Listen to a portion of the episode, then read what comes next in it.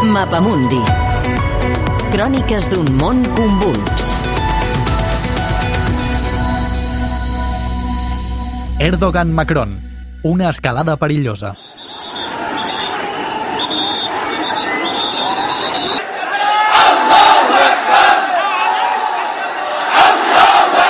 Pakistan. El terrorista més gran del món és França, criden al carrer.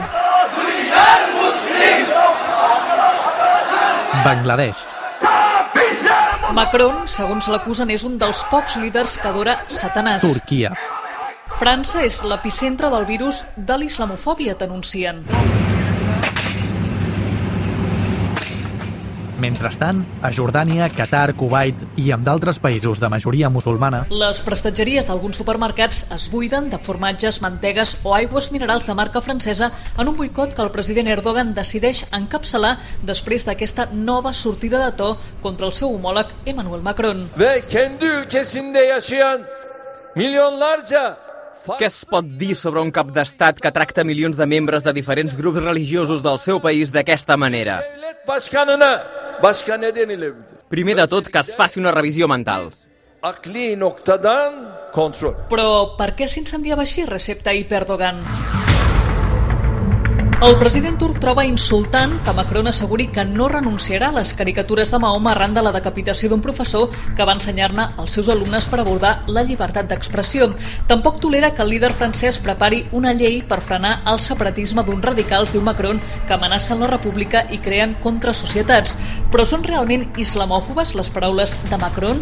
Jana Jabour, professora de l'Institut de Ciències Polítiques de París i autora del llibre Turquia, poder emergent, creu que no i que Erdogan n'ha volgut treure profit. The dispute came to him on La disputa li ha arribat en safata de plata. França ha donat l'oportunitat perfecta a Turquia per incendiar tensions i perquè Erdogan es posicioni com el líder del món musulmà i de la civilització islàmica. I mentre el president turc s'erigeix en guardià de la fe, aconsegueix, i aquest és l'objectiu, difuminar amb una cortina de fum diferents escenaris interns i externs que no li són favorables. crisi econòmica galopant. El mateix dia que el president Erdogan cridava el boicot contra França, aconseguia despistar els seus d'una lliure turca que s'ensorrava a mínims històrics en una economia en recessió. Desgast per les seves polítiques expansionistes. La intervenció turca a Líbia, la invasió de Síria, el seu suport a l'Azerbaidjan, a l'Alkarabakh i les disputes marítimes al Mediterrani li han generat molts enemics regionals i internacionals. I un dels rivals que Erdogan creu que allunya Turquia de ser la potència mundial otomana somiada és Macron, explica Jabur. El president turc no l'ha pogut manipular, així que ara opta per atacar-lo.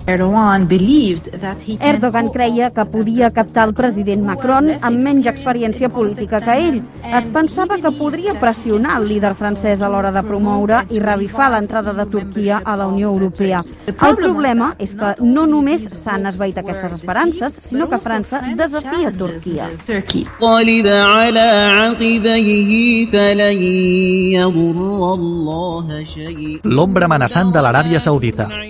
Erdogan li disputa el lideratge del món musulmà a Riyadh, vol demostrar que defensarà millor l'islam i també lluita per mantenir la influència que enviant els seus imams té sobre França. Aliats de l'OTAN, Erdogan i Macron són també enemics interessats, tots mirant cap a les respectives i pròximes eleccions presidencials. Demonizing each other. Debilitar-se l'un a l'altre és una bona estratègia per mantenir la seva popularitat i guanyar suport a les urnes.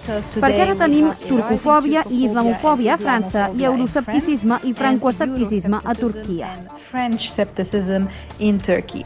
Però enmig d'aquests càlculs, tots els analistes coincideixen que l'escalada atiada per Erdogan és perillosa. So we are here entering into Estem entrant en un tipus de cercle viciós en què hi haurà més extremisme i aquest extremisme islàmic generarà més i més turcofòbia i islamofòbia, que a la vegada dona una base sòlida perquè l'extremisme uh, a solid ground for extremists to act.